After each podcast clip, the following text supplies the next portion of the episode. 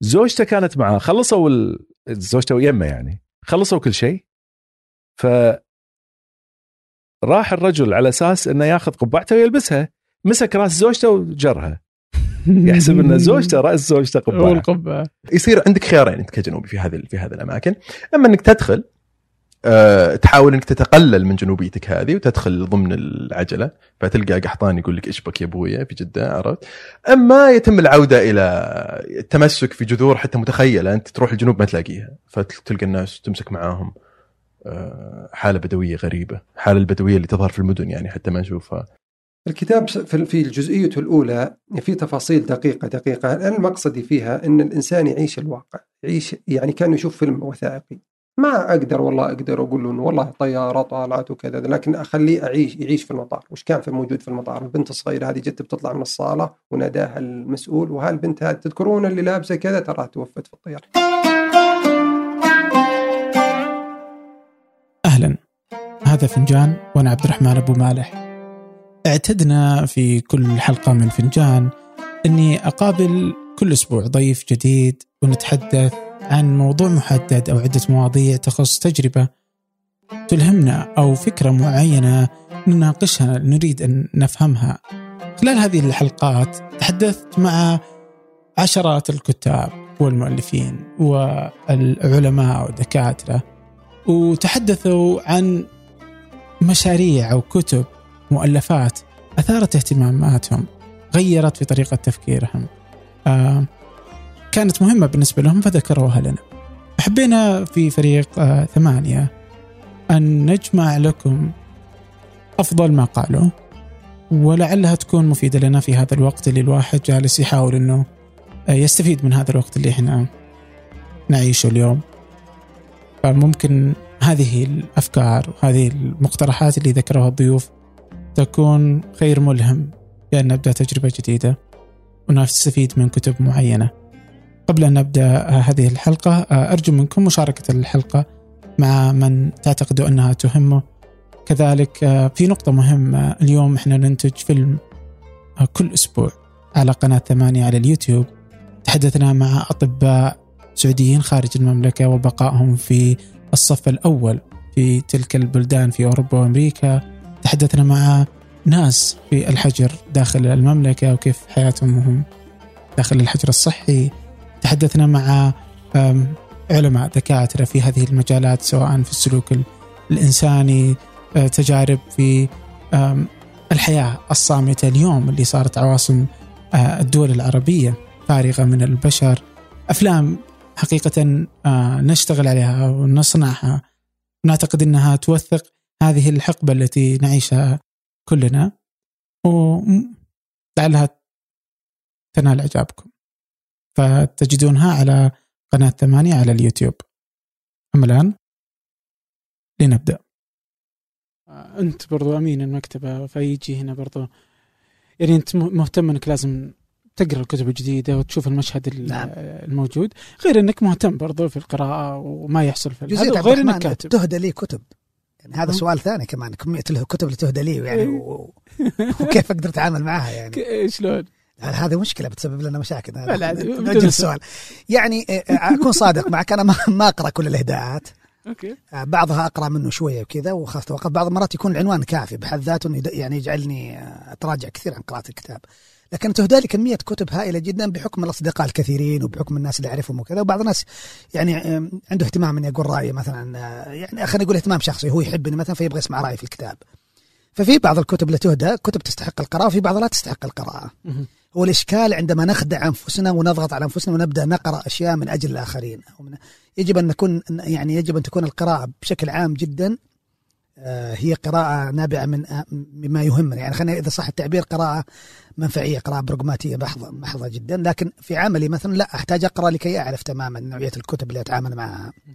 فهذا في جزء في جزء منه. آه، زملائي في العمل فريق التزويد مثلا عندهم اهتمامات أو عفوا هم يشتغلون على الموضوع هذا. وفي جزء منه أنا يعني تصلني أشياء وأطلع عليها وتكون مثلا لافته للاهتمام لكن في جزء عند أي إنسان يحب قراءة الكتب اللي هو جزء انتظار المفاجأة. يعني أنت دائما مثلا وأنت تقرأ الكتب وتبحث في المكتبات دائما عندك رغبة إنه في شيء يفاجئك. أتمنى أنه هذا الكتاب يفاجئني. وقد صارت معي كثير جدا. أكون أبحث في مكتبه وكذا ثم أجد كتاب ويكون الكتاب هذا بمثابة الصفعه يعني. يعني أنا مثلا لا أنسى ابدا. مثلا كنت مرة أمشي في في مكتبة ووجدت آه، آه، عمل صغير جدا. يعني وسوى لي تحول كامل. يعني إنه الكتاب هذا فاتن جدا ومدهش جدا واللي هو وبعض مرات يجي واحد من الشباب يتكلم عن كتاب بشكل عشوائي بشكل عام ويمشي. لكن أنا العنوان مثلا أثار اهتمامي وبحث عن الكتاب طلع من أجمل الكتب اللي قرأتها مثلا. إيش كان كتاب صغير قبل اللي, اللي, اللي يتكلم عن واحد مصدقاء بشكل عشوائي كان حكاية عام الغرف. آه، مجموعة قصص آه، كتبها كتاب قصة قصيرة في في الأرجنتين عن أدب كرة القدم الأرجنتينية. ترجمة محمد الفولي و... و... ونشر دار مسعى. طبعا بدأت أحاول التسوق شوي التسويق شوي. فبس الكتاب مرة فاتن الكتاب لا اللي كنت أتكلم عنه إنه كتاب لقيته في المكتبه إيه؟ وأخذته بشكل عشوائي وفاجأني تماما. كان كنت كنت في مكتبة في برا السعودية ولقيت رواية اسمها الباب لكاتبه هنغارية اسمها ماجدا زابو. وكان بالنسبة لي بمثابة يعني كتاب يعني صادم تماما يعني كتاب رائع جدا. اليوم مثلا الناس اللي تكتب والمشهد الكتابه اليوم في في المملكة أو في العرب يعني كيف تشوف أنت اليوم مشهد الإنتاج المعرفي؟ الكتابي بالإجمال جيد سيء ها ها. أنا أعتقد إنه في تقدم كبير جدا صراحة في الانتاجيه الإنتاج المعرفي في في نوعية الكتب اللي تكتب وكذا. في اشتغال جيد في الترجمة بشكل كبير جدا. وأعتقد إنه في أسماء جيدة برزت في القصة القصيرة وفي الرواية وفي الاشتغال الفكر النقدي والفكر الفلسفي يعني في اشتغال. يعني غير الترجمة في الإنتاج الحالي اي في في انتاجات في, إنتاجات جيدة يعني بدون شك يعني. حلو. عندك مشكلة مع المثقفين؟ آه لا يعني كذا يقولون. لا أنا شكل المعد يعني عنده أخبار لا يعني متواطئة. آه يمكن. بس يعني إنه كذا لا مشكلة مو مشكلة هو, هو يعني. أنا عندي عندي إشكال مع مع الغضب من كل شيء. آه، عندي مشكلة مثلا مع عدم احترام السب كلتشر اللي هي الثقافة العامة الثقافه الشعبية والجمهور. وأنا اعتقد إنه دائما في كثير من الأوساط الثقافية في العالم كان في دائما مشاكل الناس اللي يعتقدون إنهم النخبة وعايشين في مناطق نخبة. وأنا هذا هذا إشكالي عنده يعني لأنه لأنه حتى النخبة يعانون من من تعاني من أمراض عدة يعني. وأنا أذكر في كتاب كان جميل جدا لعبد الغذامي كان يتكلم فيه عن سقوط النخبة وبروز الشعبي في فترة من الفترات وعن الشعور المتعاظم عند الكثير من المثقفين بأنه المشهد تجاوزهم المشهد وكذا. وفي جزء أيضا يثير اهتمامي لأن أنا كنت يوم من الأيام صغير في العمر فكنت أعرف تماما لأي درجة أنه وجودنا كصغار ويعني ونقرأ ونطلع كذا يزعج كثير من من النخب المثقفة لأنه يعتقدون أنك أنت متذاكي أو مسوي نفسك فاهم ومتعلم وقاري لك كم كتابين وتعرف تقرون بالإنجليزي بعض الكتب فانتم مسوين نفسكم علينا بينما لم نكن نشعر بذلك بينما كنا كنا يعني أتينا ونحن عندنا هذا الحب للنخب والتقدير وكذا ثم بعد ذلك أصبحنا نرى كل واحد على حدة يعني أنا أتعامل مع كل شخص من المثقفين به هو كل يعني. شخص يعني. وإن كان في ناس من النخب يعني أناس يعني فعليا يستحقون كل تقدير واحترام يعني لكن في المقابل أيضا أناس مبالغ في تقديرهم في ناس يقولون المفترض على الأسماء هذه النخب يعني خلاص يعني مسكت السوق في كل المحاضرات في كل آه، المشاهد الثقافية والندوات نعم. ومدري إيش خلاص يعني اعطوا المجال غيركم يعني أنا أحب آه، تعبير لواحد من الأصدقاء عبد الرحمن مرشود يقول إنه زمان يعني أول كان في آه، معيارية قاتلة يعني م. كان في جمود يعني كانت في دائما كل شيء لازم يمر من خلال هؤلاء النخب وكذا وإنه ما في شيء يعتبر من الثقافة إلا حتى يرضى عليه المثقفون يعني. آه لكن الآن في سيولة. شلون؟ يعني لم تعد هناك ضبط للأشياء. يعني آه أنا أذكر مره مرات حضرت فعالية وكان في ناس يقدمون في مجالات معرفية عدة ولم أعرف ولا واحد من هؤلاء الناس اللي يشتغلون في المجالات هذه.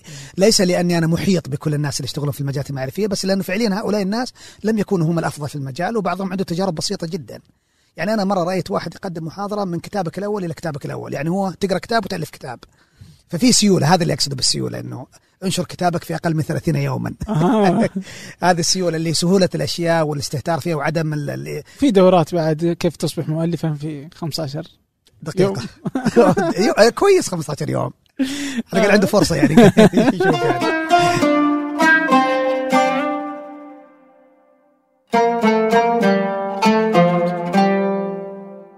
يحاكون عادة في صناعة الحاسب القدرات الإنسان الموجودة يعني. ف بس وين وصلوا اليوم طيب في فهم العقل يعني؟ للحين متأخرين. متأخرين جدا يعني يعني يعني عرفوا إنه يعني أتوقع إنه مثلا من الأشياء كذا اللي كانت إنه إنه عرفوا إنه مسألة إنه النصفين هذه نصف الإبداع ونصف هذه انها خرابيط هذه خرابيط إيه. إيه. ما لها معنى. اي إنها سواليف بناء على معلومات غير دقيقة كافية عادي. وقتها. بس اليوم صرنا نعرف إنه ما له دخل. إي يعني إي على طاري فصل مخي له فصين آه، في عالم اسمه راماتشندرن أقام تجربة على إنسان. آه، طبعا الشخص اللي يصاب بالصرع ال- بعض أنواع الجراحات يسوون له يفصلون فصي المخ عن بعضهم. أكو منطقة بالوسط اللي توصل الفصين مع بعضهم. هذيلا هاي المنطقة يسمونها corpus callosum زين. آه، الجسم النفثي باللغة العربية. زين. فالحين هذيل الاثنين انفصلوا. يصبحوا يصبحوا كانما عندك شخصين في جسم واحد. فواحدة من التجارب يعني واحدة من التجارب اللي سووها قبل أقول لك تجربة واحدة من الأشياء اللي سووها أو اللي تابعوا الناس اللي فصل عندهم الكوربس كالوسم ي- يلاحظون مثلا امرأة تروح تبي تاخذ لبس من الكبت. طبعا الجانب الأيمن متصل في الجانب الأيسر والجانب الأيسر متصل في الجانب الأيمن في الجسم. فتروح تبي تاخذ ملابس الإيد الثانية تبي ترجعها مرة ثانية لأن ما عجبتها. في في نوع من عدم التناغم بين الجسمين. أو مثلا يسوي تجربة طبعا آه، الجزء الأيسر له علاقة في اللغة في الكلام فيخلون الشخص يتكلم ويعبر عن الجزء الأيسر الفص الأيسر.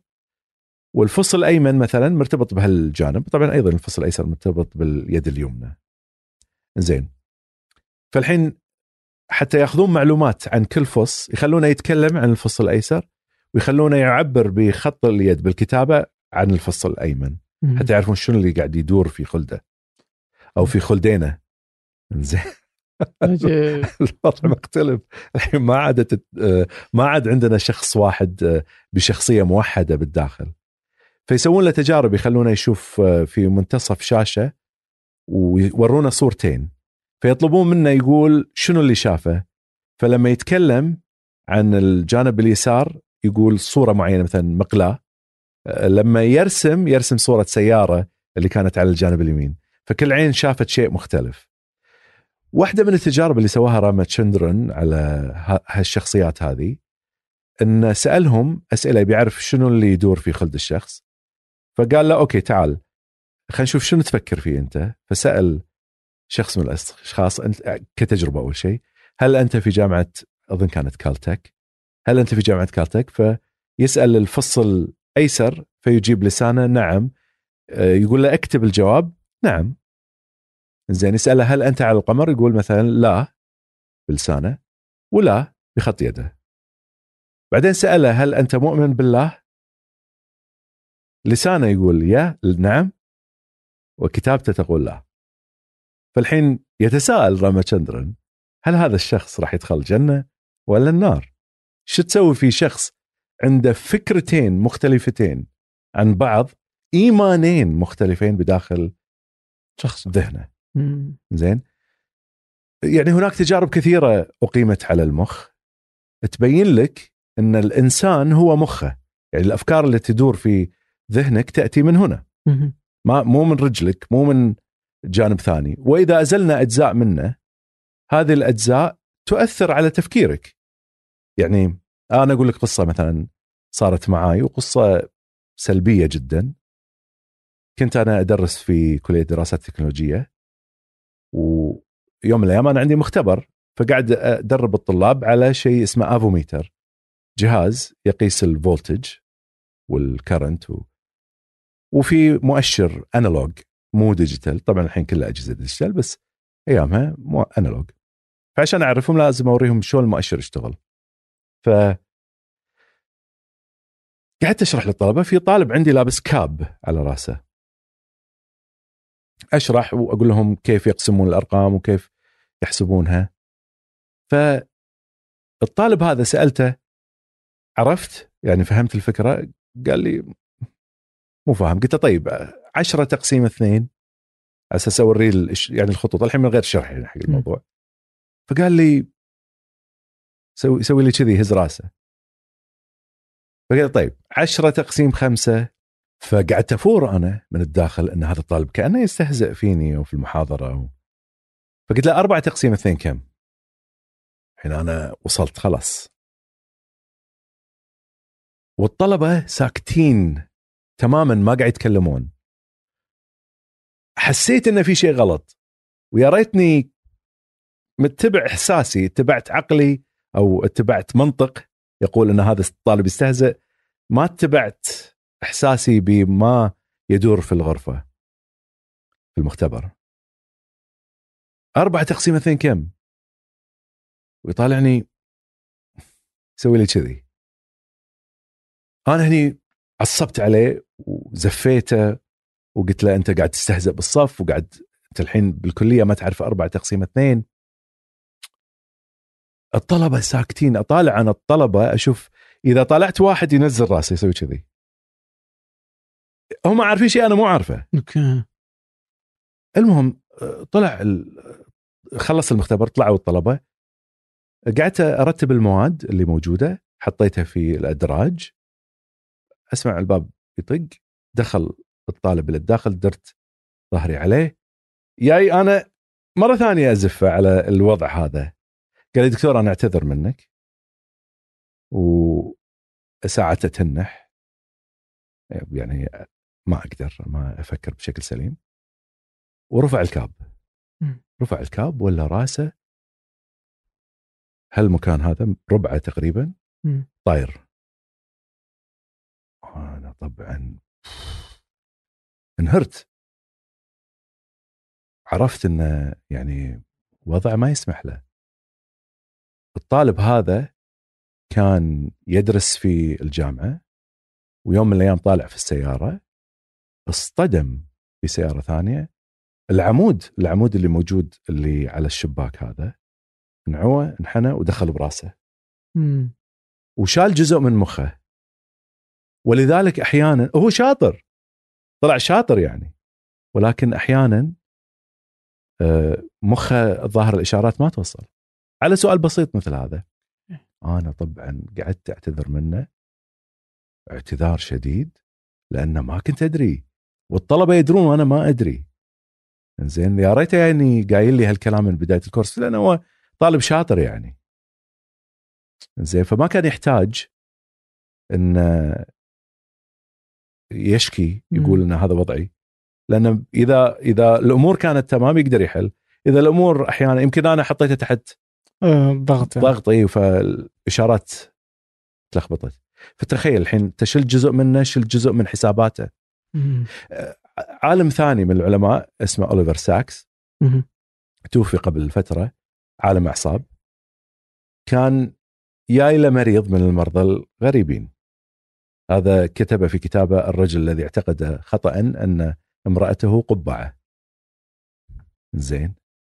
يقول هذا العالم أن هذا الشخص ياله بعد ما طبيب طبيبه الشخصي قال له روح حق عالم أعصاب. لأن أنت مشكلتك مو عندي. مم. شكى لطبيبه الخاص انه مخه عفوا شكى له إن عينه فيها مشكلة. ففحصه لا في سكري لا في عينه في مشكلة. يعني شنو مشكلته؟ انه هو أحيانا ما يعرف طلبته. هو أيضا دكتور جامعي. ما يعرف الطلبة. واحيانا وهو ماشي برا تعرف ال fire hydrant هذه مالت الأطفاء اللي على الأرض؟ أحيانا يجي يربت عليها. يحسبها طفل صغير. زين فراح للطبيب قال له أنا في ناس تقول لي في ناس تقول لي. هو ما هو ما يدري. تقول لي إن أنا عندي مشكلة فيت افحص فالطبيب فحص له ما في عيونك ما في شيء. روح لأوليفر ساكس عندك شغلة يمكن في المخ. مم. راح للطبيب أوليفر ساكس قاعد يفحصه أوليفر ساكس وهو يفحص لاحظ إن هذا الشخص ينظر لأنفه لعينه بس ما يشوف الصورة الكاملة. زين وهو قاعد آه، يعني فحص ركبة فحص نظرة فحص الفحوصات اللي يسوونها أنا ما أعرفها. المهم أوليفر ساكس طبعا كان نازع حذاءه هذا الشخص أثناء إجراء التجارب عليه. فأوليفر ساكس قال له ألبس حذائك. نزل الريال. ما عرف يلبس حذاء. قال له تقدر تلبسهم. كان يمسك رجله مسك رجل نفسه يعني. مفكرها حذاء. مو عارف مو شايف ما يدري. زين. أوليفر ساكس قاعد يدرس طبعا قاعد يفكر هذا قاعد يمسح معاي. ولا شنو؟ زين. زوجته كانت معاه خلصوا ال... زوجته يمه يعني خلصوا كل شيء. ف راح الرجل على أساس إنه ياخذ قبعته ويلبسها. مسك رأس زوجته وجرها. يحسب إن زوجته رأس زوجته قبعة. والقبعه زين. شنو هاللخبطة اللي صايرة في المخ؟ إيه يعني. عينه سليمتين يعني ما في شيء بس مخه الترجمة اللي موجودة في مخه ترجمة خطأ. درسها على فترة أوليفر ساكس وعرف فعلا ان عنده إشكالية. يستطيع إنه يرى جهة اليمين إذا أنت تمشيه بشارع يفهم ما في جهة اليمين ولا يرى ما في جهة اليسار. مع إنه قاعد يشوفه. مو ما قاعد يشوفه قاعد يشوفه والمعلومات موجودة. ولذلك أوليفر ساكس حتى قال تخيل إنك تمشي في حارة وأوصف لي جهه اليمين يستطيع وصفها. يقول زين أوصف لي الآن جهة اليسار ما يقدر يوصفها. زين يقول له دور الحين وامشي العكس يقدر يوصف, يوصف ما يقدر يوصف هذه. يجد إنه مثلا يشوف الصور يشوف التفاصيل اللي فيها بس ما ما يعرفها كاملة. حتى كان مثلا صورة أينشتاين عنده يعرفها من الشعر بس ما يعرف هذا ككل من. يعرف إن أينشتاين من شعره يعرف أخوه من أنفه. عرفت شوف اي فيعني المعلومات هذه موجودة في المخ بس ملخبطة. ليش؟ لأن في توصيلات خطأ فيها. كثير من التجارب اللي تقام على البشر تبين إن هذه الوصلات كلها موجودة في المخ. كل هالأفكار اللي عندك أنت بنيت أنت أنت نفسك تعتبر مخ.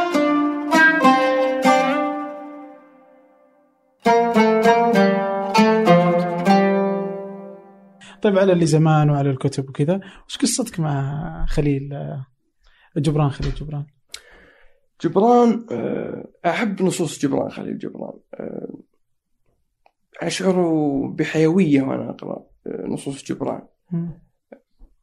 نصوصه بديعة إلى درجة أنها ليست نصوص عادية بل نصوص حيوية بل صورا. الرجل يعني هو رسام ولا يكتب هو يرسم. مثال النبي. أذكر فيه لزمة والحب لا يعرف ما له من غور إلا ساعة الفراق. الصورة هذه جميلة أخاذة. مثلا آه، أمتدح الليل برضه أذكره مع إني أحب الصباح لكن امتدح الليل فأحببت الليل. آه، له قال وإذا كان النهار يعلمكم فن الاخذ فإن الليل يعطيكم أسرار الحياة. شوف اللمحة الجميلة. شوف اللسان العذب. فجبران آه، نصوص جبران أثرت على نفسي. آه، كتاب النبي الأجنحة المتكسرة رمل زبد في عدد عنده من الكتب الجميلة فعلا. يعني إحساسه نصوصه تأسرني تصلني يعني. فيها حيوية في النص الرجل مات الله يرحمه لكن نصه ما زال يعيش. ما زال يدخل يعني ما زال له قوة نفاذة. وش وش وش أفضل ما قرأت النبي. يعني كان طبعا هو كتب كتاب النبي ثم بعد حديقة النبي لكنه ما كمل حديقة النبي لكن تحول إلى فيلم لاحقا بس. تقريبا آه، يعني أعطى لمحة عن الأنبياء جميلة. آه، تكلم عن شوق الناس للأنبياء. أعطى الأنبياء مرتبة عظيمة في نفوس الناس. أحقهم حقا يعني. أثبت أنهم سلاطين النفوس. كتاب النبي اللمحات التي كانت فيه آه، والناس يأتون إلى هذا النبي الذاهب من مدينة أورثليس آه، ويأتون ويسألون بعض الأسئلة عن الحب وعن العدل وعن أسئلة متعددة كثيرة متفرقة. تهم الناس تهم البسطاء من الناس. تهم أهم طبقة هم الفقراء والبسيطين. وكانت أجوبة أخاذة آه، مؤمن هو بسمو النفس الإنسانية. كان الكتاب يعني عجبني بالمرة. أوكي. طيب آه، جبران مع ميخائيل آه، نعيمة. نعيمة. آه في قصة انشغال الفرد بالسوق بعيدا عن الأدب والكتب. شو القصة؟ هذه سلمك الله ميخائيل نعيمة. فترة من الفترات راح يبيع في السوق. وأرسل له رسالة جبران. قال يا ميخائيل حكوا لي الناس أن صوتك في البيع جميل لكني أود أن أقول لك إن الذي يخرج من عالمنا أي عالم الأدب والثقافة لا يعود إليه أبدا. هذه طبعا لو نحللها هو جبران مؤمن أن الإنسان إذا بذل وقت في القراءة بذل وقتا في التعلم بذل وقتا في ال... يأتيه المردود العلمي وإذا هجرها وذهب إلى السوق والتجارة و... لم تعد له أي صلة بذلك العالم إلا الذكرى. فيغدو كالمفارق يعني يحن على الثقافة. فأنا قرأت العبارة وأنا كنت ظاهر كنت مداوم. ظاهر إني فصلت بعدها بأسبوعين. لا لا أمزح أمزح. حفزني يعني. طيب آه، دائما تنصح الناس بقراءة كتاب آه، هانز جورج؟ آه، هانز جورج غادماير التلمذة الفلسفية. إي والله انصح ليه؟ طيب هذاك من أفضل السير الذاتية اللي قريتها في حياتي. إبداع. أول حاجة الرجل عاش من 1900 إلى 2002 102 لدرجة إن في واحد اسمه جاك دريدا قال ما توقعت إن هانز جورج غادماير يموت. توقعت أنه أبدي. هذا شو شهد الرجل ذا؟ شهد الحرب العالمية الأولى شهد الحرب العالمية الثانية شهد احتلال الروس وشهد احتلال الأمريكان لألمانيا وشهد سقوط جدار برلين. المشهد البائس هذا الممتد. حضره الرجل من أول يوم إلى آخر يوم. ولم يعرض السيرة الذاتية عنه هو البديع فيها. تكلم عن زملائه وأساتذته الذين تتلمذ عليهم في الفلسفة. وكان يتكلم عن تدخل الروس في الجامعات وما إيش يبغون الروس من الجامعة الألمانية كيف هم يضغطون بعض المرات على الجامعات. وتكلم عن تدخل الأمريكان وصعود هتلر وكيف إنه آه، رأى في هتلر شخصا فارغا. وتكلم عن مسألة مهمة بالمرة. هو الرجل عاش في وقت نزاع وقت أزمة. تقريبا مئة سنة فيها أزمات متعددة. وتكلم عن مسألة أنا مستني كثير. كيف أن الكريم يسمو بأخلاقه حتى في وقت الأزمة. كرماء من الناس والأفاضل والخيرين حتى في وقت الأزمة لا يزال خيرا ويسمو. وتكلم عن كيف أن سلوكيات بعض الناس في وقت الأزمة تتغير للأسوأ. فهذا أكثر شيء شدني في السيرة الذاتية اللي طرحها وكذلك دخلت تكلم عن بعض الفلاسفة المهمين زي مارتن هايدجر وكيف إن مارتن هايدجر يوم دخل الجامعة هز الجامعة كلها. هانز جورج غادماير يقول أنا أول ما جلست مع آه، مارتن هايدجر آه، قال حسيت إني ما أعرف شيء. هو دكتوراه فلسفه قال أنا حسيت إني آه، قال اهتزت معارفي كلها. شخصية مارتن هايدجر صورها بشكل جميل.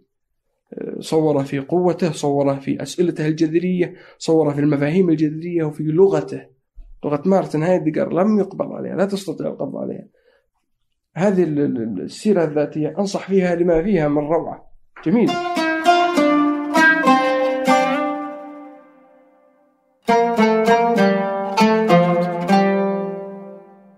إيش إيش قصة السالفه اللي قبل شوي؟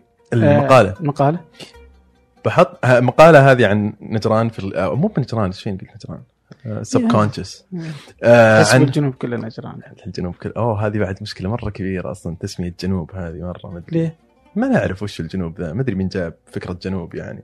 يعني لا عمرها كانت تسمية جغرافية جنوب ولا عمرها كان في منطقة أصلا إدارية اسمها الجنوب ولا كان فيه مدينة. يعني ولا حنا نعرف نفسنا كجنوب. يعني في الجنوب الناس ما تشوف نفسها كجنوب جنوب فهمت؟ يعني الناس ما تعرف أمام بعضها بهذا التعريف فهمت؟ بس إنه يوم دخلوا داخل الدولة فتقسيم الدولة فيه جنوبها هذا مكان فصار كلكم جنوب. مشكلة هذه. ليه؟ مو بجنوب ما في اي يعني ما في أي شيء يعني في الجنوب الجغرافي؟ ممكن إذا تسميه جغرافية ممكن نقول إيه؟ جنوب جغرافي بس لما نقول واحد جنوبي ما له معنى هذه فهمت؟ يعني التنوع اللي في الج... يعني في الجنوب فيه مثلا قبائل بدوية بينها وبين آه واحد شمري من حايل أكثر ما بين مثلا واحد بدوي من جنوب آه ربع الخالي مع واحد جزاني مثلا ولا واحد آه، شهري من آه، ولا واحد من عسير فهمت؟ الاختلاف الثقافي الديني حتى المذهبي يعني اللهجات اللغات يعني. ففيه تنوع مرة كبير لا يمكن أن تحط هذا كله بخانة واحدة.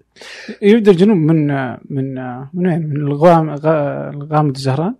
جنوب الرياض الظاهر؟ عرفت؟ بعد البطحة كل شيء جنوب.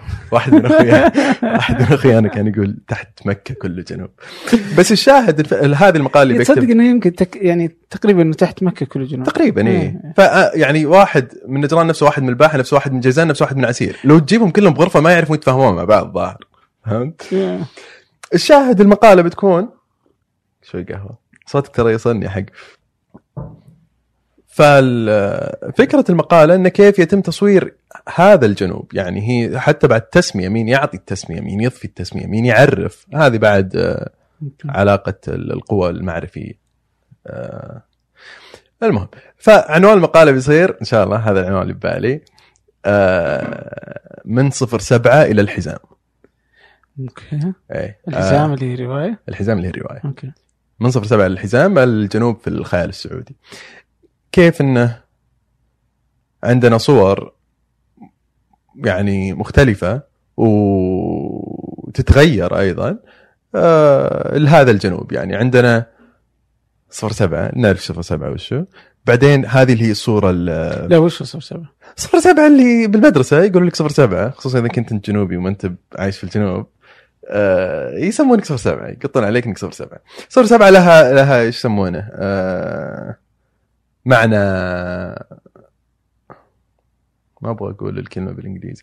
لها معنى دفين آه، أو أو أو ضمني معنى ضمني آه، بأنها لهجة مختلفة. أول شيء آه، لهجة أقرب باليمنية على أن اللهجة اليمنية شيء رخيص المفروض لبس مبهذل حالة اقتصادية مو بكويسة زي كذا. ففي هذا ويصير صفر سبعة هي موازي جنوبي. طيب؟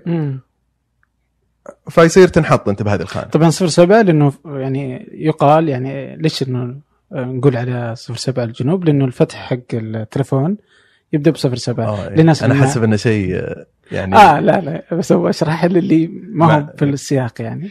فهو صفر سبعة إخواننا العرب الغير سعوديين في السعوديه يعني صفر سبعة تبدأ تحط الرقم معناته إنك تدق على أي أحد في الجنوب يعني. الحين الحمد لله 017 فما عاد يمدي تدب أتوقع يعني. بس إنه الفكرة انه كيف هذه الصورة فيصير الناس يعني فيصير عندك خيارين أنت كجنوبي آه، في أي مدينة سعودية أما وألاحظ هذه مع كثير جنوبيين آه، يعني أما عاشوا بالرياض أو بجدة بجدة كثير مرة أسمع شيء زي كذا. بالشرقية شوي لأن فيه الشرقية قصتها مختلفة من ناحية السكان وكذا ما, ما فيه ما في سكان أصليين في الظهران أو الخبر يعني مدن جديدة ففيه حدة أقل في مسألة الهوية غير عن مثلا نجدة وغير عن جدة اللي هي مدن قديمة ولها أهل أصليين وكذا. المهم هذا هذا نقاش مختلف. الشاهد إنه يصير فيه يصير عندك خيارين أنت كجنوبي في هذه في هذه الأماكن، أما إنك تدخل أه تحاول إنك تتقلل من جنوبيتك هذه وتدخل ضمن العجلة فتلقى قحطان يقول لك اشبك يا أبويا في جدة عرفت؟ أما يتم العودة إلى التمسك في جذور حتى متخيلة أنت تروح الجنوب ما تلاقيها فتلقى الناس تمسك معاهم أه حالة بدوية غريبة، حالة البدوية اللي تظهر في المدن يعني حتى ما نشوفها وتلاحظها حتى تطلع هذه شوي في المتوسط عرفت؟ المتوسط دائما تشوف الناس لأنها بحث عن هوية عرفت؟ فتلقى الناس فجأة واحد يجيك يصير يلبس ثوب شماغ ويميل العقال وهو قبل أمس كان مع شنطه فسحة وصامولي فهمت؟ الشاهد فيصير حتى يمكن إنه ما نميل العقال يعني برضه في الجنوب. طبعا بعضهم حتى ما يلبسون عقال كثير منهم حتى العقال ما هو ضمن اللبس الشعبي حتى في بعض المناطق في الجنوب. فيعني تدخل أنت ب... الشاهد إنه يعني آه، في هذه النظرة. الصفر سبعة عرفناها من يمكن نقول الثمانينات التسعينات بداية 2000 طيب. الآن أنا أشوف إنه صار تغير لهذه النظرة طيب. وكان جزء منها يعني جزء مفصلي وأقول أول من طلع فيها إلى الآن هذه هذه هذا النظرية حقتي هي الحزام طيب. جاء الكاتب أحمد ابو دهمان وقدم شخصية آه، حزام في رواية الحزام آه، الظاهر طلعت عام 2000 و2001 طلعت بالفرنسي بعدين ترجمت للعربي آه، الملفت إني كنت سويت مجموعه قراءه في نيويورك وقرينا الرواية. آه، بالعربي وبالفرنسي كان معنا طلاب وطالبات يقرون فرنسي. فقلنا وش نبي نسوي؟ نبي نسوي مقارنة. بين النسخة العربية وال... إيه. أوكي. وطلعنا في اختلافات. شوي زي إيش؟ تتذكر؟ ما أذكرها ودي بعدين إن إن يعني كان المشروع ان نترجمها بالكامل. اللي موجودة الفرنسي وغير موجودة بالعربي. بس كان في أشياء كأنها رسائل إلى الفرنسيين. فهمت؟ زي كذا. فهذه يبي لها جلسة ثانية. إن شاء الله ما يزعل أحمد. آه الشاهد أنه طلع بهذه الشخصية آه أبو دهمان آه في في الرواية اللي هي شخصية آه غرائبية. طيب؟ عندك جنوب آه فيه آه مليء بالتراث. عندك جنوب مليء بالعادات. عندك جنوب آه عذري. بالمعنى هذا طيب؟ آه هذا هذا بداية الرواية. يمشي فيك الرواية لما آه كيف يخرب هذا الجنوب لما يتصادم مع المدينة مع الحداثة طيب؟ فعندك جنوب عايش كذا في في الفضاء العام وبريء وعذري وجميل وملون ومليء بالحتى الخزعبلات وقصص الجدات وهذه الصورة طيب الغرائبية. بعدين يصطدم بالمدينة وبالصحوه وبعدين الناس يبدون الحريم يبدون يتغطون بعد ما كانوا يغنون ويرقصون وكذا طيب. فعندك هذه الصورتين للجنوب الآن. وهذه كانت صورة أنا أنا ما أدري لو في أحد كان يستخدمها قبل أبو دهمان أو أو يضع الجنوب هذه الصورة الصورة أسميها أنا كأنه كأنه آه، سالب الجنوب يصير غير فاعل يعني آه، في أي عملية آه، صناعة هويته. يصير هو كأنه مفعول به يعني تجيه الأشياء وتغيره وتخربه الحداثة الصحوة المدينة بس هو دائما بريء وتراثي وقصصي وكذا صوره حالمة عنه. طيب بعد هذه الصورة هذه بداية 2000 تقريبا. صار صار عندنا صورتين. صار عندنا صورة 07 المخيس الجنوبي اللي لازم يتنظف ويدخل مع المدينة أو صورة الجنوبي هذا الغريب. طيب؟ أنا أشوف اليوم مع ال social media ومع البرامج اللي قاعدة تطلع في السعودية حقت الرحالة والمشاؤون وال hiking وسواليف ذي صار يتم التسويق للصورة القديمة. فيعني في مجموعة بال أحد مجموعات ال hiking هذه حتى شوف نستخدم hiking. ما أدري إيش يعني. لأن إيش ترجمتها؟ أتوقع hiking هو إنك تطلع كشتة بس إنك يكون معك North Face وخيمة بلاستيك. هذا hiking. يعني تطلع معك سنيدي هذه مو hiking هذه كشتة. طيب. هذا والله صدق هذا تعريف. بس تطلع بنات عيال يصير hiking إذا مو بنات عيال ما يصير hiking. ففي الحين مجموعات في مجموعات بالرياض إيش يسوون؟ يصيرون يسوون آه، آه، رحلات آه، سياحية. طيب رحلات سياحيه الجنوب. تذكر أول كنا نستحي نقول نروح الجنوب اذا رحنا في الصيف. ما حد صيف في الجنوب مخيس. بس الآن صار لا في هذا الصيف في الجنوب. طيب فيرتبون رحلات إلى آه ما أدري جبال في بلقرن شيء زي كذا. ياخذونهم إلى آه جزر فرسان كذا ياخذونهم جيزان عرفت؟ وملفت لو لو تلاحظ حساب هذه الحسابات وتلاحظ كيف يروحون الناس آه، شو اسمه؟ كيف تمام؟ تمام. قلمك هذا مرة حلو تعطيني إن شاء الله بعد المقابلة. خذها آه شو اسمه؟ آه كيف كيف كيف هذه يتم تسويق هذه الرحلات اللي يتم تنظيمها؟ وعلى أي أساس؟ فيصير ياخذون آه، مجموعة من من الجنسين آه، يروحون أماكن في السعودية مثلا ما يلبسون عبايات ما أدري ليش يتخيلون الكود مختلف هناك آه، يروحون حتى أحيان آه، يستقبلونهم أهالي هذيك المناطق ويأخذونهم في تجربة كذا آه، محلية مليئة بالتراث هذا والعبق عرفت ويأخذهم بيتهم ويأكلهم الأكل المحلي وما أعرف إيش وكذا ويتكلم معاهم بلهجته الغريبة اللي ما يعرفونها هم جايين من المدينة إيش قاعد تصير؟ إيش هذا؟ عرفت واو مكان مختلف فهمت؟ فهذه وهذه مخيفة النظرة لأنها هذه النظرة نفسها للجنوبي كآخر كمختلف هي نفس نظرة آه، صفر سبعة بس مع اختلاف الفكرة. أول كان آه، مخيس آخر آه، كذا الآن جميل آخر لكنه إلى الآن آخر إلى الآن ننظر له كمختلف إلى الآن ننظر له كنذهب إليه نشوفه بعدين نرجع عرفت؟ هو ما هو بجزء من من حالة الحداثة اللي نعيشها وحاله المدينة السعودية حتى ما ينظر له كسعودي ينظر له كهذاك الجنوبي عرفت؟ هذاك اللي كذا يقعد عند الجبل ويلبس طوق الشجر هذا ويلبس ألوان وما أعرف إيش وغير متأثر بخراب المدينة عرفت بهذا؟ اللي يكتبون عنها كثير حتى يعني في, في, في الأدب الأمريكي في نيويورك بما إنه بنيويورك كيف المدينة كذا لها طبع عنيف وكذا وغير كذا فاي فهذه النظرة ملفتة يعني صراحة هذه المفارقة يعني بين كيف الجنوب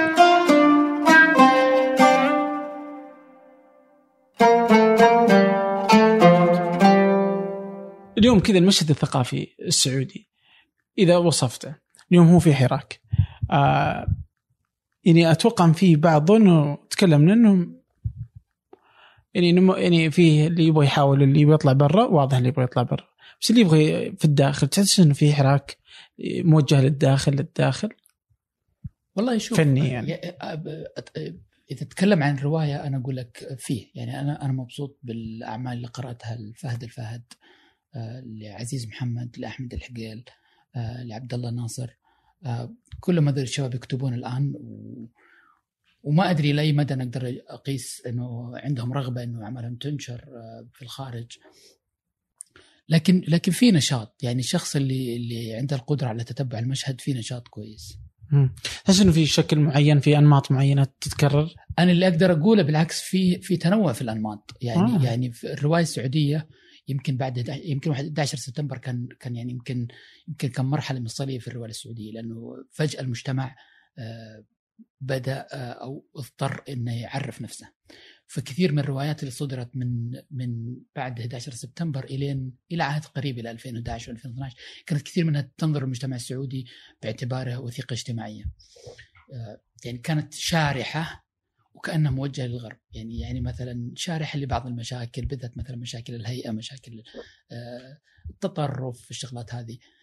اليوم أنا أشوف آه، الأسماء اللي ذكرتها متخلصة من هذه من هذه الهموم. وأيضا أخذت مناحي مختلفة. يعني مثلا في رواية فهد الفهد رواية ديستوبية تتصور الرياض في وضع ديستوبي يعني كارثة طبيعية وكيف المجتمع يتغير بناء على هذه الكارثة استجابة لها.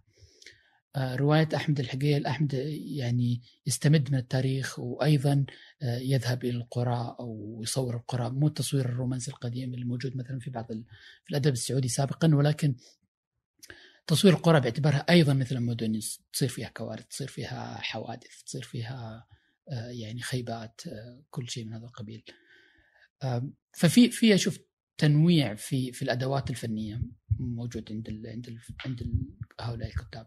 تحس إنه الكاتب أو الفنان آه، يمثل نفسه بالضرورة ولا هو يمثل السعودية مثلا؟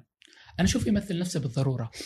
آه، احتمال آه، الشيء اللي يكتبه احتمال الشيء اللي يكتبه في شيء مثلا جانبي يمثل بس هي هذه المشكلة إنك تقول إنه هذا بالضرورة يمثل السعودية. مو بالضرورة. ومتى يكون هذا الشيء مشكلة؟ يكون مشكلة لما يصير التمثيل السعودية هو المعيار. فترفض أعمال فنية أو أدبية يقول لك هذا ما يمثلنا. وهذا اللي صار يعني في بعض الحالات مثلا فيلم جت مثلا لما كتبت رجاء الصانع بنات الرياض كثير من المجتمع كان ردهم الأول إنه هذا مو مو, مو بنات الرياض. بنات الرياض مو بكذا. أو مو هذا المجتمع السعودي أو هذا المجتمع اللي تصوره مش المجتمع أو ما يمثل المجتمع السعودي. الأدب مو معني بهذه الأسئلة. الأدب يعني معني بمشاكل الإنسان وهمومه وأحلامه وطموحاته وكذا. فهذه الأشياء يعني حتى هنا تكون موجودة على الفرد. يعني الأدب ممكن الرواية تتناول فرد واحد. فالفرد هذا مو بالضروره يكون حتى وإن كان مثلا آه، افترضنا إنه هذا الفرد مثلا سعودي آه، الشخصية هذه مو بالضروره يمثل السعودية. يعني يعني يعني سؤال التمثيل عبء ثقيل يعني على على الأدب وعلى الفن. وإذا إذا الفنان أو الأديب تشرب هذه الفكرة واطلع بها يعني صار إنه وضعها يعني جزء من أجنداته وهذه مشكله.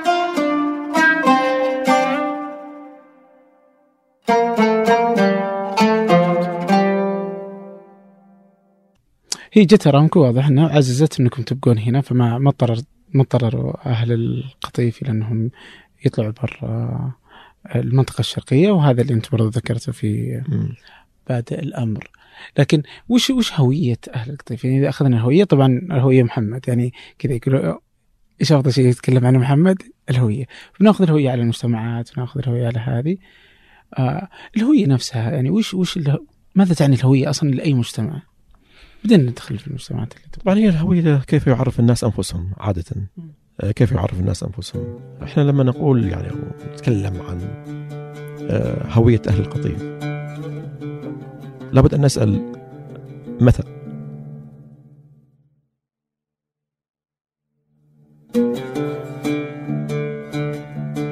لأن هذا السؤال مهم آه، لا يمكن إن إحنا نتناول موضوع الهوية على أن الهوية هي إطار ناجز آه، الهوية لا تتغير، الهوية ليست هوية ثابتة. الهوية تتغير يعني طريقة كيف يعرف الإنسان نفسه آه، مرتبطة ب بالظروف الموضوعية، بالشروط الاجتماعية، بالمتغيرات التي تحدث عليه. أنا ممكن هنا أستشهد ب أمين معلوف. أمين معلوف عنده كتاب آه، اسمه الهويات القاتلة هذا الكتاب آه، من الكتب اللي أنا بالنسبة لي آه، كتاب كان فاصل يعني في في في طريقة تفكيري لموضوع الهويات يجيب مثال. طبعا هو كتاب صغير جدا يعني أقل من 200 صفحة الظاهر. فيجيب مثال. طبعا هو أمين معلوف روائي وأديب لبناني فرنسي يعني خرج من لبنان في بتون الحرب الأهلية واستقر في في فرنسا. آه، طبعا يأتي من خلفية مسيحية وهو لبناني آه، دارس في مدارس آه، من طائفة مسيحية أخرى ما أتذكرها وبعد ذلك انتقل إلى فرنسا. يتحدث الفرنسيه الظاهر يعني كلغته الثانية الإنجليزية. فهو يتحدث عن نفسه بأنه متعدد الأبعاد الهويه متعدده الأبعاد. شاهد في الكلام إنه يضرب مثال في هذا الكتاب. يقول لو سألنا شخص في صربيا في الثمانينات ما هي هويتك؟ قد يقول يعني قد يقول ذاك الوقت إن أنا والله صربي. في التسعينات بيقول أنا مسلم. بعد الحرب الأهلية. مع انه هو كان مسلم في الثمانينات ولكن لم يكن يرى نفسه. مسلما كان يشوف نفسه صربي جزء من هذا المجتمع. لم يكن هناك تحدي كبير على هويته. لم يكن متوتر بشأن هذا البعد من هويته. آه، فبالتالي كان يعبر عن نفسه بأنه أنا صربي يعني سؤال طبيعي والجواب طبيعي أنا صربي. في التسعينات صار هناك تحدي وعملية تطهير يعني تطهير عرقي يعني أو خلينا نقول كانت حرب آه، على المكون المسلم. شيء طبيعي انه لا هو يرى إنه هناك بعد من أبعاد هويته مهدد ما يكفي أن تكون هناك فقط سردية متعلقة بالهوية. دائما هناك مقاربات لصيانة هذه الهوية بصورة مستمرة بصورة مستمرة. تجري صيانة هذه الهوية. مثلا الجماعات الوطنية تحتفل بأعيادها الوطنية بالاستقلال بالجلاء من الاستعمار بكذا. يجري إعادة التذكير بالتاريخ. الذاكرة الجمعية اللي تكلمت عنها من شوية. okay. okay. ليش؟ من أجل تحصين هذه الجماعة ان فيه تمايز ان فيها كذا إنه كذا. آه لابد من التذكير دائما بهذا التاريخ المشترك. لابد من التذكير بالذاكرة الجمعية. الذاكرة الجمعية مهمة جدا والتذكير بها هو الأهم حتى يتم نقلها من جيل إلى جيل. حتى القبائل الآن يعني مثلا الشعر المرتبط بالفخر بالقبيلة. ليش؟ هو لنقل الذاكرة الجمعية الإرث المشترك لهذه القبيلة من جيل إلى جيل آخر. وإلا بعد ذلك تصبح القبيلة عبارة عن انتماء غير جذاب للأجيال الجديدة. لكن عندما يشعر هذا والله أنا آه، حفيد لهذه الأجيال. طبعا أنا هنا أقوم بعملية توصيف بالمناسبة يعني أنا لا أصدر حكم الآن هذا شيء جيد هذا شيء مو جيد بس تشرح يعني. لكن أنا أشرح كيف تتشكل الهويات وكيف يجري الحفاظ على الهويات. الهوية الدينية من هذا المنطلق أيضا. الهوية الدينية آه، يجري تشكلها من خلال وجود آه، سردية معينة آه، تتعلق بالتاريخ بتأسيس أنا أتكلم الآن هوية دينية أي هوية دينية لا أتكلم يعني بوجه خصوص على أي طائفة دينية. كيف تأسست؟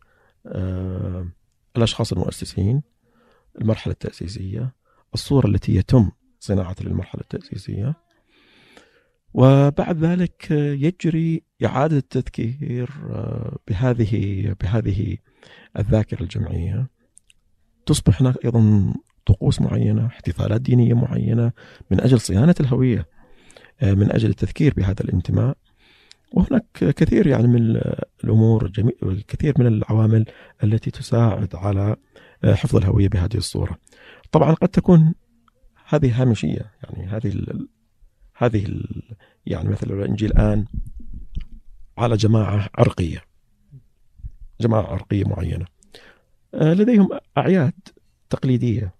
آه، لديهم مثلا لبس تقليدي لديهم بعض الموروثات والفلكلور الشعبي المرتبط بهذه إذا شعروا أتكلم الآن عن مثال فقط جماعة عرقية إذا شعرت بأن العرقيات الأخرى تهدد وجودها سياسيا اقتصاديا ثقافيا تشوفهم بالغوا في الاحتفال ب بطقوسهم بعاداتهم بالفلكلور ينشروا يعني الأزياء الشعبية المرتبطة بهم يقوموا بهذه الممارسات لتعزيز حضور هويتهم في الفضاء العام. يعني تعزيز الحضور في الفضاء العام إحنا موجودين. يجري التعبير عنه بهذه الصورة. آه لذلك آه نشوف مثلا الآن للأسف يعني في المشرق العربي أصبح هناك انفجار الهويات الفردية أوكي. كيف؟ يعني الطوائف بدأت تأخذ يعني نتكلم عن بلد مثل لبنان 18 طائفة. وبدأ التعريف الهوية يأخذ يعني طابع فاقع جدا. نفس الشيء في جميع هذه الدول يعني سوريا في لبنان في العراق. آه، حتى الأقليات العرقية. يعني مثلا نتكلم في شمال أفريقيا في دول المغرب العربي آه، أصبح الآن هناك مطالبة بحقوق الأمازيغ آه، مطالبة بحقوق البربر مطالبة بحقوق آه، ومعروف أيضا عندنا في المشرق العربي قضايا الأكراد والتركمان والآشوريين وكذا. أنا طبعا حتى نشوفها في أوروبا برضو كاتالونيا وأسبانيا وكذا بالضبط بالضبط. آه في كاتب والله نسيت اسمه الآن كان يقول أنه القرن العشرين كان آه، قرن الإيديولوجيات. الماركسية آه، يعني الشيوعية بجميع تلوناتها بكذا. تالي صعود الليبرالية والرأسمالية والمعسكر الغربي وسقوط المعسكر الشرقي. يقول هذا كله القرن العشرين. يقول القرن القرن الواحد والعشرين هو عصر الهويات. عجيب. طبعا هذا كاتب غربي ها؟ يعني الآن هو يتحدث يعني منطلقاته من البيئة الأوروبية.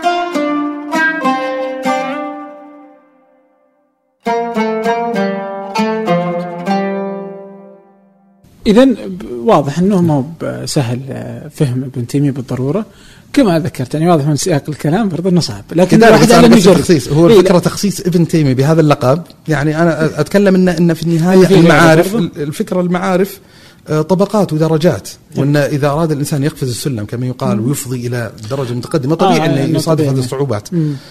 اي فهو القصة وما فيها. إن ابن تيمية عليه رحمة الله تبارك وتعالى مثل ما المؤلفات تعتبر عميقة وصعبة ويعني تحتاج إلى إلى تملك أدوات معينة ولبذ الجهد وزمن معين.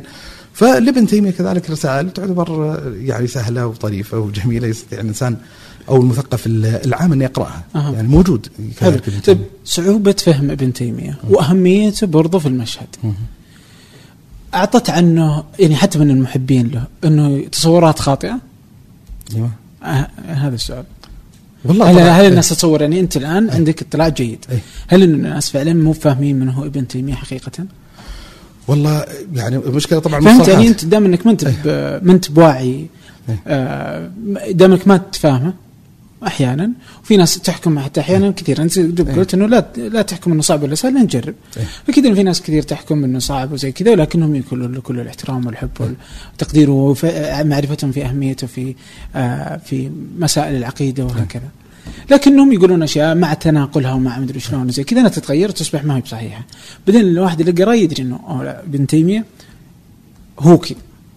ناس في العامة فاهمينه خطا والله يعني هذا سؤال. طبعا هو لما تقول للناس الناس كما يقال غطاء يعني يشتمل على مشروعه يعني كما ابن تيمية محبين له مبغضين.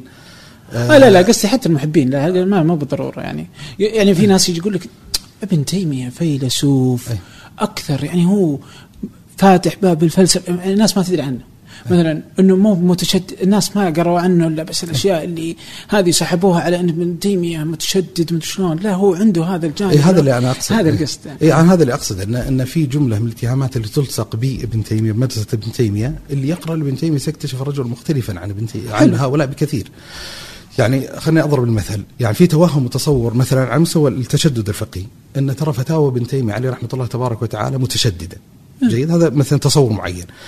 أنا دائما مثلا أحد الجوابات اللي أقدمها طيب هب جدلا إن حكمناك مثلا بمنظومة فقهية مباين لابن تيمية. مثلا حكمناك بمذهب الحنابلة أو الحنفية أو المالكية أو الشافعية بعيد عن فتاوى ابن تيمية.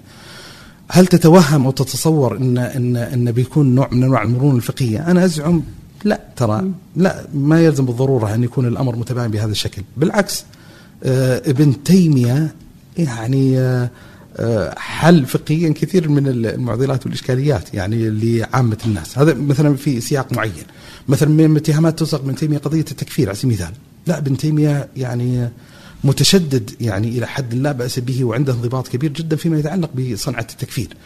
على مستوى السلوك الحياتي ابن تيمية عليه رحمة الله تبارك وتعالى أنا أزعم وأظن أنه من أكثر الشخصيات التاريخية تسامح مع خصومه وله قصص وأخبار صراحة غريبة وعجيبة فيما يتعلق بهذا المسار. سيه. يعني ابن تيمية عليه رحمة الله تبارك وتعالى في زمانه يمكن سجن خمسة مرات تقريبا، وكل سجناته يعني متعلق بطبيعة الحال ببعد معرفي ببعد علمي معين، مسألة طلاق الثلاث بلفظ الواحد انه كان يفتي فيها بفتوى معينة، حكم شد الرحل لزيارة قبر النبي صلى الله عليه وسلم، في العقيدة الوصية، في عدة مناظرات وعدة خصومات وعدة تجيش ضد ابن تيمية. فمثلا من المواقف العجيبة يعني هذه عدة التقاطات ولا لقطات في حياة ابن تيمية غريبة وعجيبة جدا. مثلا ال ال ال الناصر قلاوون أحد حكام المماليك انقلب عليه فترة من فترات الظهر الظاهر بمرسى معين بتحريض من فصيل من أهل العلم. جيد. وتبطل الملك للخليفة هو الملك الثاني أو السلطان الثاني. ثم الناصر قلاوون عاد إلى المشهد. لما رجع إلى المشهد استدعى ابن تيمية وجلس معه في الشرفة وأراه خطوط العلماء بالتحريض عليه والمطالبه بقتله. متخيل المشهد؟ زين. ويستفتيه إن هؤلاء يعني ألبوا عليك وكذا كذا كذا كذا فهل يعني ترى مشروعية أنه يقتل وكذا؟ فابن تيمية إيش اللي اللي أجابه؟ قال لا إن هؤلاء وجوه البلد وهؤلاء علماء البلد ولو يعني قتلتهم لن تجد أحدا يعني مثلهم في البلد وما أدري وكذا حتى قال أكبر خصوم ابن تيمية كان ابن الزماكاني وكان أحد محرض عليه قال ما رأيتك ابن تيمية زين آه يعني أردنا قتله وحرضنا عليه فلما قدر علينا عفى عنا. هذا مثلا التقاطة. مثلا ابن تيمية له كتاب في الرد على أحد أحد الشخصيات اسمه البكري كان في مصر. البكري هذا يعني له كتاب اسمه الرد كتاب الاستغاثة لابن تيمية. يرد على شخصية يعني في قضية استغاثة بغير الله وقصة معينة البكري في مصر. الشخصية هذه البكري ألبت على ابن تيمية حتى استطاع من التأليب العام عليه في أحد الشوارع أن مسكوه في زقاق معين وهجموا عليه وضربوا ابن تيمية حتى أن البكري نفسه يقول لك في الرواية وثب على ابن تيمية وبرك على صدره وضربه وجر يعني ملابسه حتى قطعها. ماشي؟ هذا الحين موقف البكري. ثم هربوا المجموعة هذه وجاءوا محبين وأنصار ابن تيمية لابن تيمية وطلبوا منه أن الآن نروح إلى بيوتهم ونقتلهم ونفعل ونفعل. فقال هذا ما يحل ولا يجوز وكذا. ويحاول يهدى قصة طويلة جدا. الطريف في الموضوع أن السلطان في ذلك الوقت كان محبا لابن تيمية فطلب البكري، البكري يهرب من بيت لبيت لبيت لبيت لبيت، في النهاية ما وجد بيتا يؤويه إلا بيت مين؟ إلا بيت ابن تيمية عليه رحمة الله وطلب من ابن تيمية يروح للسلطان يتشفع من أجله، فذهب وتشفع من اجلي. فقصدي المواقف كثيرة يعني اللي, اللي يعني اللي اللي يعني يتوهم الناس ويرسمون في ذهنهم صورة نمطية عن شخصية معينة فإذا أفضيت لها معرفيا وتراثيا وقرأت في سيرته وحياته ستجد عملاقا مختلفا عملاقا مختلفا يعني مثلا لي كتاب اسمه ينبوع الرواية الفكرية أحد السؤالات اللي أوردتها في الكتاب كان السؤال ما عندكم إلا ابن تيمية يعني أي باحث يريد معالجة إشكالية العقل والنقل إن إذا تعارض العقل والنقل ما الذي نفعل في هذه الحالة؟ أنا أزعم إنه لا يستطيع القفز والتجاوز للمشروع التيمي الكبير. انه قدم لك في النهاية تسعة مجلدات عشر مجلدات عشر مجلدات في الجواب على هذا السؤال. ما تقدر ما تقدر تتغافل وتتجاهله فأنت مضطر لما تورد هذا السؤال في إطار بحثي معين إنك تتفاعل وتتجاوب مع ذلك المشروع المشكلة اللي تصادف يعني خلينا نقول عامة الشرعيين لما لما يتوسلون بابن تيمية في التعاطي مع هذا السجال وهذه الإشكالية انه سيقال لهم ما عندكم إلا ابن تيمية. فرحت قدمت إجابة حقيقة مطولة يمكن استغرقت يمكن ستة سبعة ثمان صفحات تقريبا في معالجة إشكالية ما عندكم إلا ابن تيمية. إن أنا أزعم إن ان أن في إشكالية في إدراك كيفية تكون المعارف والعلوم، أن ترى كل فن وكل معرفة لها عمالقتها، لها كبارها. وبالتالي يعني ما يدرك الإنسان أن عملاق علم التفسير هو الإمام الطبري على سبيل المثال، عملاق مثلا في علوم الحديث مثلا الإمام البخاري، عملاق كذا، فمن الطبيعي أن عملاق المتأخرين في العقائد وفي الفقهيات هو مثل شخصية ابن تيمية. في وهم ان ان ان أن أشبه الاستفتاء والتصويت العلمي العام هو اللي اختار ابن تيمية أن يقع في هذا الموسم، لا هو القصة ما فيها في خلط بين النتيجة وبين سبب النتيجة. يعني البخاري ليش صار صحيح البخاري له موقع كما يقال من الاعراف المشهد الحديثي؟ هذا ليس نوع من أنواع التصويت العلمي بين العلماء. أنا قالوا خلونا كتاب معين صوت عليه. لا البخاري هو اللي فرض مشروعه على أهل العلم حتى يحظى منهم بهذا الاعتراف اللي سجله. فأنا أزعم إن ابن تيمية شخصيته العلمية هي اللي فرضت على يعني على المشهد العلمي إنه يعترف بفضل وعلمية هذا الرجل. الشاهد يعني استغراب طبعا في حديث عن يعني لأنه أحيانا أتذكر حتى في صديق كان يقول إنه اللي يعرف ابن تيمية أكثر يجد إنه في المسائل الفقهية أقل تشددا مما إحنا اليوم عليه اي طبعا مم. كثير لا كثير كثير, كثير. في أبواب المعاملات في أبواب الأنكحة في أبواب الطلاق. هي خيارات ابن تيمية في هذه المسألة أكثر سعه بكثير من بعض مظاهر التشدد الموجودة في الإطار الفقهي العام. في كتاب يعني ممكن مثلا يطالع الإنسان فيما يتعلق بهذه. في كتابين جميلين صراحة لي يعني الدخول لعالم ابن تيمية. في كتاب اسمه ابن تيمية والآخر للشيخ عايض الدوسري. كتاب جميل حقيقة ولطيف ويبرز من خلاله مشاهد التسامح اللي اللي المبهره المتعلقة بهذا العالم الامام وله كتاب آخر جميل كذلك هكذا تكلم ابن تيمية. يعني يقدم يعني في ضوئه جزءا من الملخصات للتراث للتراث التيمي.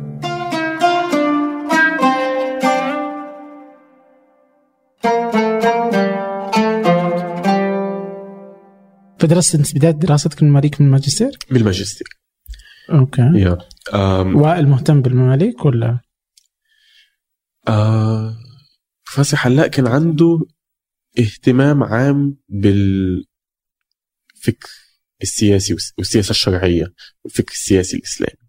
okay. آه ومن خلال فهو كان يعني أعطني آه، كذا شرح جيد عن أبرز اهتماماته أصلا.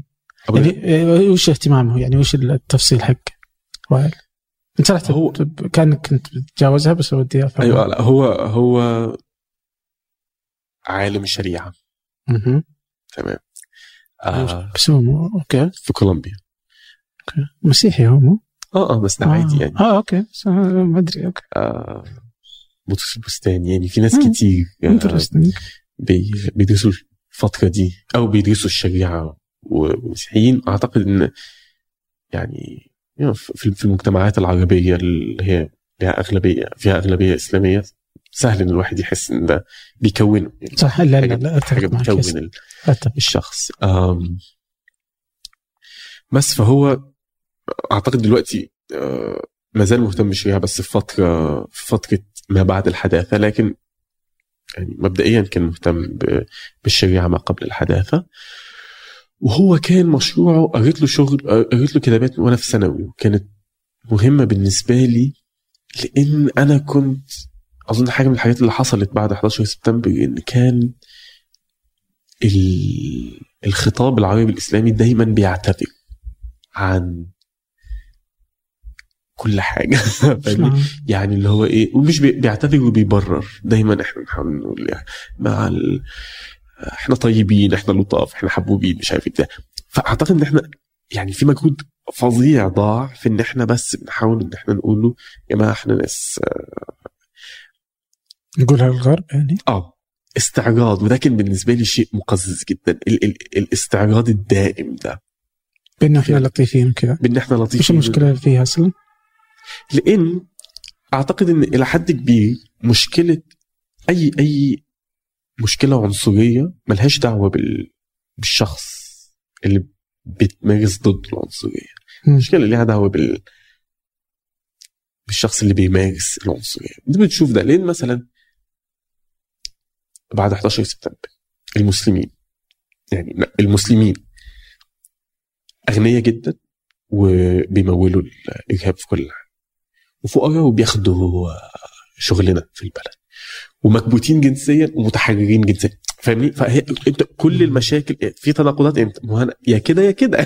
فاهمني؟ ما ينفعش أكون الاثنين ولما تلاقي الموضوع ده إن هم لما تلاقي الفئة فيها حاجات ما مش ممكن تكون موجودة في بني آدم. واحد تعرف إن المشكلة مش في الفئة دي. المشكلة في المجتمع اللي بيمارس العنصرية ضد الفئة دي. واحتياجه لآخر يثبت نفسه. يعني اوبوزيشن فأنا كنت حقيقي يعني تعبت من الخطاب اللي هو دايما بيتأسف ده. كنت حاسس إن المفروض يكون في حاجة أهم إحنا بنعملها كعرب كمسلمين دلوقتي. وشغل آه، بروفيسور حلاق كان كده يعني كان هو بياخد التراث ويطلع منه مفاهيم وينتقد من خلالها المنظومة. فده كان عجيب اللي هو يعني ما هو مش بياخد ده ويقول يا جماعة إحنا طيبين حبوبين. لا لا. يقول يا جماعة أنتم ممكن تتعلموا حاجة من التراث ده. وأعتقد ده كان شيء آه يعني فريش وجديد بالنسبة لي.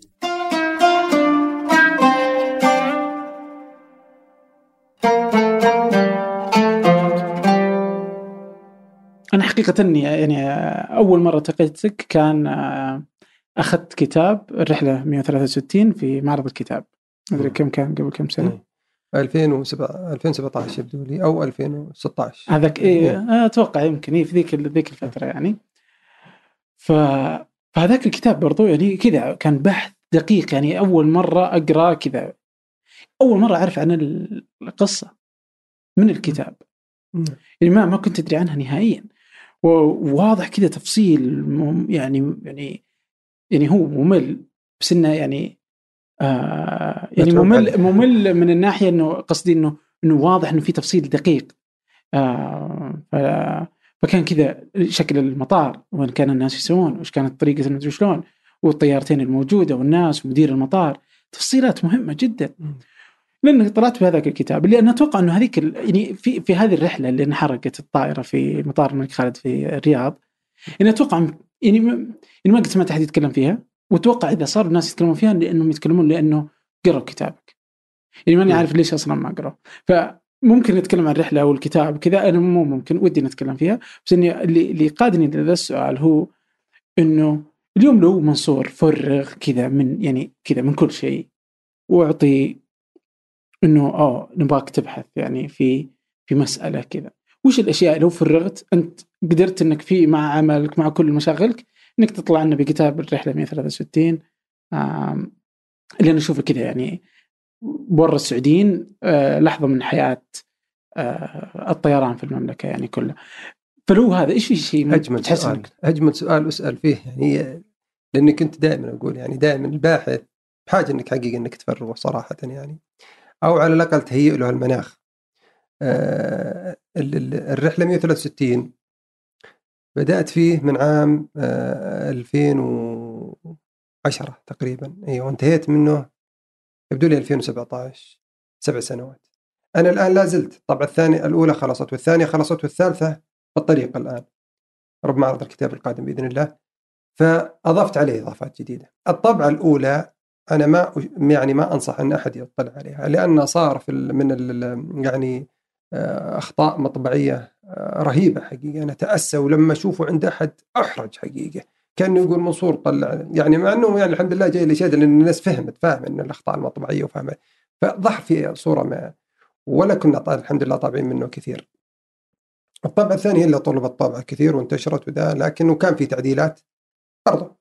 يعني ال ال ال الإنسان يتطور في في فيه إضافات لكنه الطبعه الثالثه بإذن الله بتكون برضو في إضافات على الموجود يعني حتى ربما في قصص يعني الناس. الكتاب في جزئيته الأولى في تفاصيل دقيقة دقيقة. المقصدي فيها إن الإنسان يعيش الواقع يعيش يعني كأنه يشوف فيلم وثائقي. ما أقدر والله أقدر أقول له والله طيارة طالعت وكذا لكن أخليه أعيش يعيش في المطار، وش كان في موجود في المطار؟ البنت الصغيرة هذه جت بتطلع من الصالة وناداها المسؤول وهالبنت هذه تذكرون اللي لابسة كذا؟ ترى توفت في الطياره، فخليني أقول لك أنا بعيد لك أشرح لك موضوع الطياره، لكن بقول لك إنه بعضهم يعني من فضل الله إنهم كلهم قالوا إنه أغلبهم يعني قالوا إنه يعني متعوب عليه الكتاب. آه لكن أنا كنت كنت من التقييمات الأولى جت على الطبعة الأولى. فكنت أعرف أن تذمر الناس من سوء الطباعه يعني بعض الكلمات كانت متداخلة بعض حتى حتى النسخة الأخيرة اللي أنا منقحها ما نزلت. للأسف نزلت النسخه النسخة اللي أنا ما نقحتها. عموما النسخة الأخيرة منقحة يعني أشبه الثانية والثالثة إن شاء الله أفضل. الأخير أنا أعرف أني بالجزء الثاني من الكتاب اللي هو معالجة الأمور الفنية التحليل الفني. أنا تعرف هذا تخصص مو تخصص اني اتكلم فنيا بالطائرات وكيف المحرك يدخل وكيف. يعني ما تتصور كيف أنا دخلت في المعمعة والله إلى درجة إني قاعد أناقش الطيارين الكباتنة ومهندسي الصيانة قاعد أناقشهم ومن فضل الله سبحانه إني لاحظت إني قاعد أناقشهم وبعض الأحيان وكثير أتفوق ليه؟ لأني نتحدث عن طائرة مثلا تراي ستار واغلب اللي يتحدثون من الشباب الطيارين منتديات الطيران هذه معروفة ومواقعهم في تويتر وجروباتهم وذا أنا داخل دخيل عليهم شخص مع شهادات إعلام واعلام ومحب للتاريخ وش دخلوا يتكلم عن المحركات وأثر المحرك والأكسجين كيف يطلع. فكنت أقول يا جماعة خلونا بعيد عن كل شيء. الحادثة صارت في أخطاء. أعطيتهم 17 توصية. قلت وش إذا صار حادث في الطياره مثلا أول شيء يعني أنت صحيح بتقابل هرع وخوف وذا ركز على مصدر الحريق. حاول إنك تكون مثلا تطفي الحريق بأي أو أو على الأقل تسيطر عليه أو تحد منه. ليه؟ لأن اللي يقتل الناس في الغالب في الحريق الدخان الغازات السامة اول اكسيد الكربون. حتى في المنازل حاول إنك تحصل الحريق ولا تقعد عنده كثير لأن استنشاقك وأنت ما تشعر يبي يقتلك وأنت ما تشعر. وانت ما تشعر تموت خلال ثلاث دقائق وانت بوسط تضعف الحركة طبعا معروفة الموت في نقص الأكسجين معروف ما يجيك مفاجئ كذا انت قاعد ثم فجاه آه، فلذلك تعامل مع في مثلا الرحلة 163 آه، من ضمن التوصيات اللي قلت لهم يا جماعة الطيارة آه، يفترض يكون فيها 11 ملاح مضيف. واولا الموظفين هذول مو ترى يعني رسميا مو مو وظيفتهم انهم يقدموا المشروبات والأكل وذا لا هم وظيفتهم أمنية. في آه، وتوزيعهم ترى على الأبواب. طيارة فيها ثمان أبواب فيها ثمان موظفين والسكورتي ونائبه زاد العدد والله العدد كبير من الركاب يا ربما يزيدون مثلا النائب هذا. أو ربما يكون معهم واحد قاعد يختبر الفريق كامل. فتزيد واحد اثنين هذه طبيعي. لكن المضيفين والمضيفات هذول عددهم على عدد الأبواب. لما تجي الحالات الإنذار وما الانذار يتوزعوا على الأبواب. مهمتهم أنه يسهلوا خروج الناس. آخر من يظهر هم وآخر واحد الكابتن. لازم يظهر الكابتن الأخير. اللي حدث أنهم كانوا حاطين يعني كانوا معظمها نساء. كان فلبينيات باكستانيات واحدة إنجليزية آه، بريطانية. آه، يعني تصور عشر ومعهم هذا جعفر هذا واحد بس باكستاني. وكلهم حتى رئيستهم كانت مرأة. طيب وش يوصل لك هذا؟ لما احترقت الطيارة وكانت آه، آه، آه، طفيت الحريق كانت كبيرة ضخمة ذيك الأيام ودفع إذا فتحت الدفع قوي ما تستطيع. والمضيفات كانت أحجامهم صغيرة لما أنا حتى تحدثت عنهم لما شالوهم من الثلاجات كان كان كان كان طبيب الطب الطوارئ استشاري الطوارئ كان ياخذها بيد واحدة. كذا يقول هاي هاي هذه هي ولا هذه؟ يوري السفير. مم. يعني هي هذه ولا هذه؟ صغيرات صغيرات الحجم يعني. فكيف تحملها هذه؟ لذلك لابد انه يكون في رجال في نساء لكن لابد يكون في رجال. مثل هالأمور هذه تحتاج قوة. معليش تحتاج قوة جسدية. حتى حتى عند الباب لما تزاحموا.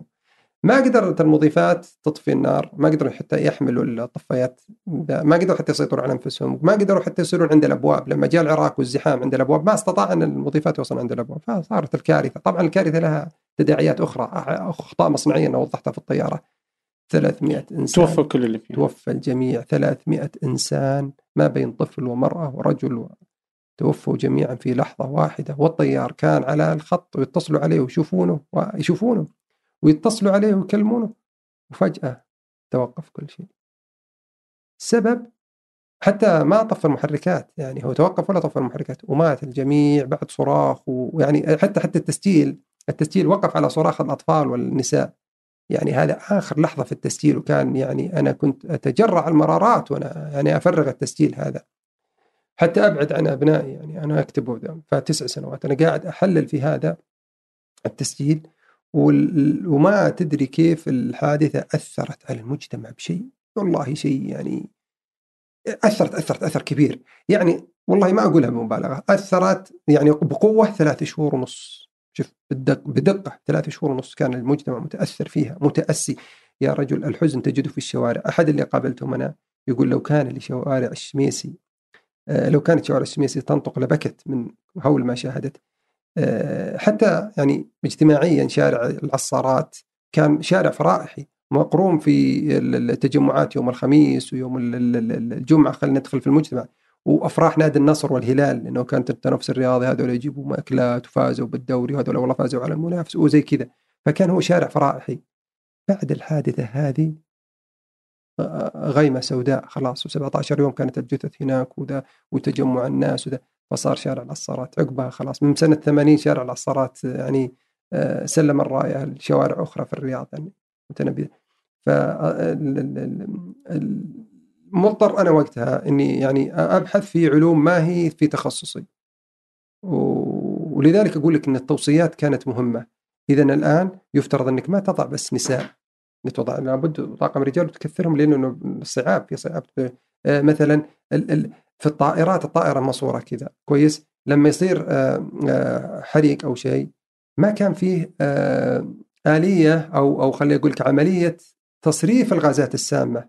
هي اللي ذبحت الناس. لو كان في تصريف الغازات ترى الطيارة طلعت من الرياض. ومجرد إنها طلعت صار الحريق. مجرد خليني بقول لك هي فوق شارع ال 60 في الملز. صارت الحريق بالقاعدة طبعا مطار القاعدة. شارع صار الحريق. تدري متى دروا في الحريق؟ دروا حول المزاحميه ورجع الطيار. وهو فوق يعني ذيك الأيام حي العريج الدخل محدود البديع ويرجع يرجع يرجع والنار تزيد والناس تصارخ وذا وهم في الفضاء. من فضل الله إن الطائرة ما سقطت يعني ترى دقائق ما سقطت يعني ما مات الطيار والطيارة فوق في الجو. تصور لا قدر الله إن هذا ما وقع إن الطيار فقد يعني آه، توفي والطيارة في الجو. طاحت على حي الملز يعني زادت تضاعفت الحادثة. لا هو لما نزل وصل آخر المدرج ويكلمهم ما في ثم توقف.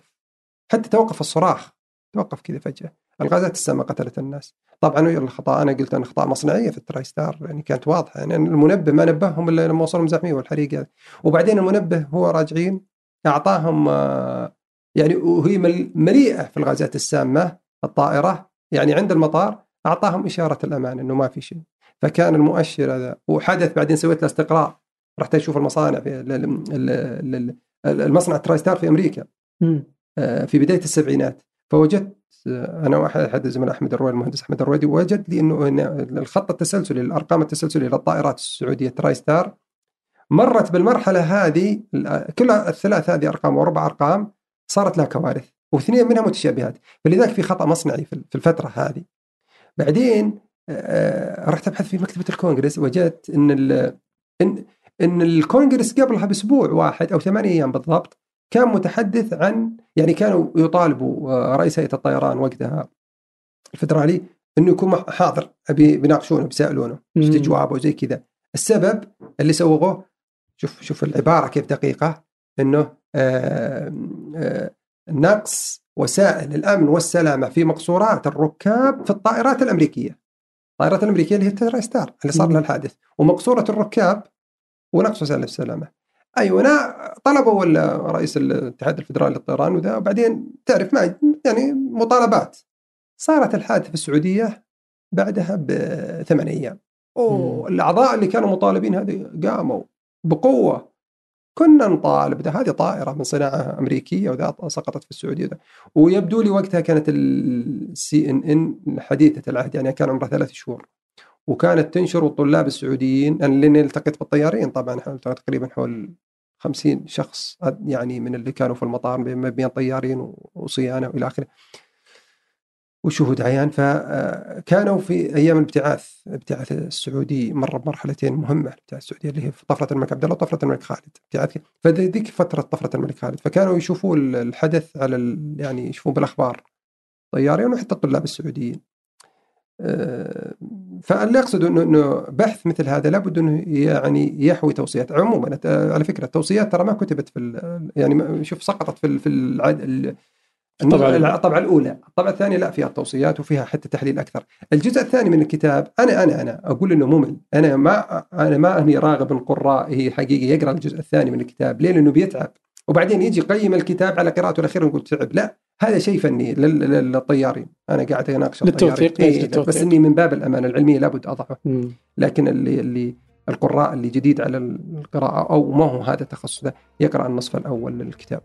شكرا لكم شكرا لكل ضيوفي في هذه الحلقات وشكرا لريما طلال في الإعداد ومحمد الحسن في الهندسة الصوتية ومحمد نادي في التحرير لهذه الحلقة وفي إشراف إذاعة ثمانية ثمود بن محفوظ هذا فنجان أحد منتجات شركة ثمانية للنشر والتوزيع.